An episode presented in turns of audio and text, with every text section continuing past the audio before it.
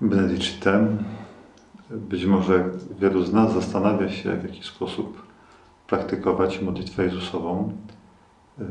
Powiem trochę przewrotnie, że aby praktykować modlitwę Jezusową, wystarczy po prostu zacząć się modlić i to już będzie w dużej ilości sukces. I rozpoczęcie, wejście do drogę praktyki jest takim warunkiem podstawowym, a jednocześnie spełnieniem tak naprawdę naszego zamiaru ponieważ sami z siebie modlitwy naszej ocenić nie jesteśmy w stanie. Najważniejsze to modlić się codziennie, każdego dnia, mimo wszystko i wytrwale, po trochu, małymi kroczkami zmierzać do, do Pana Boga, do Jego serca. Gdybyśmy jednak chcieli chociaż w kilku punktach zawrzeć takie elementy, które ostatecznie ułożą się nam w taką mozaikę, z której powstaje modlitwa Jezusowa, to myślę, że trzeba byłoby wymienić następujące elementy. Przede wszystkim, chcąc modlić się modlitwą Jezusową, musimy pamiętać o naszym życiu sakramentalnym. Czyli musimy pamiętać o tym, aby przystępować do spowiedzi świętej, wyrzekać się grzechu, zwłaszcza grzechu śmiertelnego, starać się z niego oczyścić, zadośćuczynić Panu Bogu i bliźniemu. E, trzeba przystępować do Komunii Świętej, uczestniczyć w Eucharystii, ponieważ to właśnie Komunia Święta, Msza Święta dają nam dostęp pełny do udziału w życiu Bożym, w życiu Trójcy, w misterium Chrystusa. E, takie poważne traktowanie życia sakramentalnego jest podstawą do tego, aby jakakolwiek forma modlitwy, również tej modlitwy Jezusowej, mogła w nas się rozwinąć. Drugim takim elementem, który właśnie z tej praktyki sakramentalnej wyrasta, no to jest, tak jak powiedziałem na początku już, e, wierne trwanie na obranej drodze. Jeżeli decydujemy się na to, by modlić się modlitwą Jezusową, trzeba przeznaczyć na nią pewien określony czas każdego dnia y, i potem temu czasowi być, trzeba być bezwzględnie wiernym. Jeżeli się zdecydujemy na to, aby modlić się przez 20 minut modlitwą Jezusową, na przykład rano po przebudzeniu, to chociaż byłoby trzęsienie ziemi, to te 20 minut po przebudzeniu należy tej praktyce poświęcić.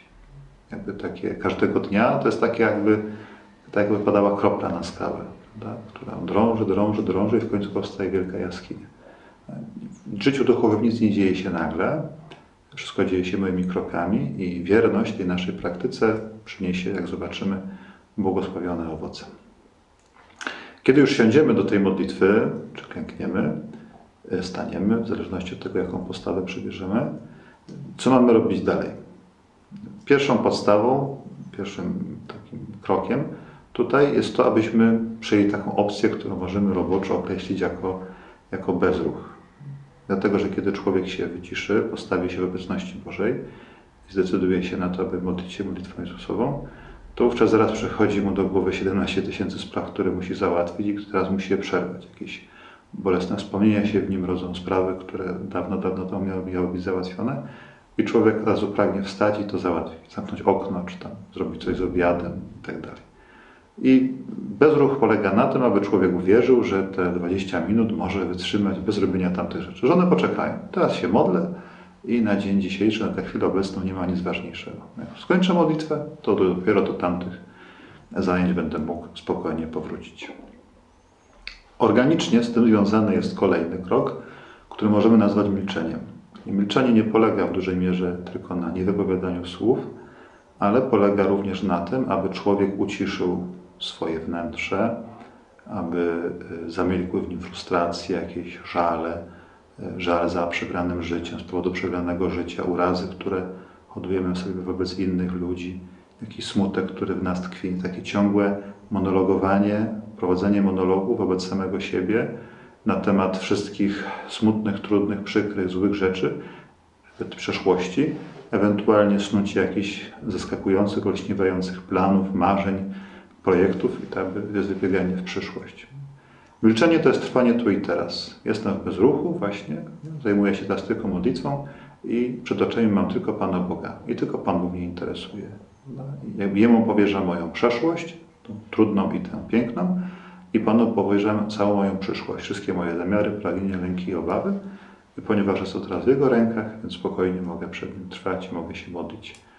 Mogę modlić się modlitwą Jezusową. E, takim krokiem kolejnym to jest to, co możemy określić jako prostota, czyli powtarzanie jednego wersetu, modlenie się jednym wersetem, który na przykład może brzmieć Panie Jezu Chryste, Synu Boga Żywego, zmiłuj się nade mną grzesznikiem. Y, Ograniczamy się tylko do tego jednego wiersza, modlimy się na początku nim tak jak modlitwą ustną, dlatego że tak jak mówią mistrzowie, każda modlitwa jest na początku modlitwą ustną. Przywieramy do każdego słowa z jakąś wiarą, nadzieją, miłością, staramy się wypowiadać z całych naszych sił, staramy się, aby to właśnie one postawiły nas w obecności Pana Boga. I czynimy to przez ten cały określony czas, tak jakbyśmy to sobie na początku naszej praktyki zdecydowali. I chociażbyśmy mieli rozproszenia, to ciągle do tej praktyki, do tego wzywania Pana Jezusa za pomocą tego wyzwania, Panie Jezu Chryste, Synu Boga Żywego, zmiłuj się nami grzesznikiem, ciągle powracamy. Jeżeli jesteśmy wierni tym krokom właśnie, bardzo prostym, tak jak widzimy, nie ma tu nic nadzwyczajnego, y, wówczas będzie w nas coraz bardziej pogłębiało się pragnienie przebywania w obecności Pana Boga i życia z Panem Bogiem.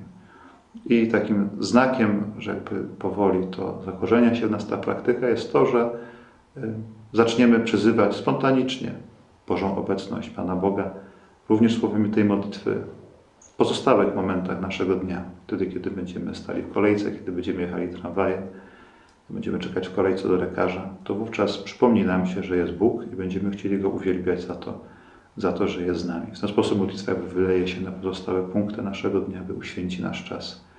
Stanie się jakby znakiem obecności Boga żywego pośród nas, blisko nas. Zachęcam zatem do tego, aby wejść na drogi modlitwy Jezusowej, aby w ogóle wejść na drogi modlitwy, tej szczególnej więzi, jaka jest między człowiekiem a Bogiem. Tym bardziej, że, tak jak wiemy, modlitwa chrześcijańska została nabyta za cenę krwi odkupiciela. Jest zatem rzeczą bardzo ważną, jest jakimś wyrazem miłości, wierności, również tej, którą Bóg żywi wobec każdego z nas.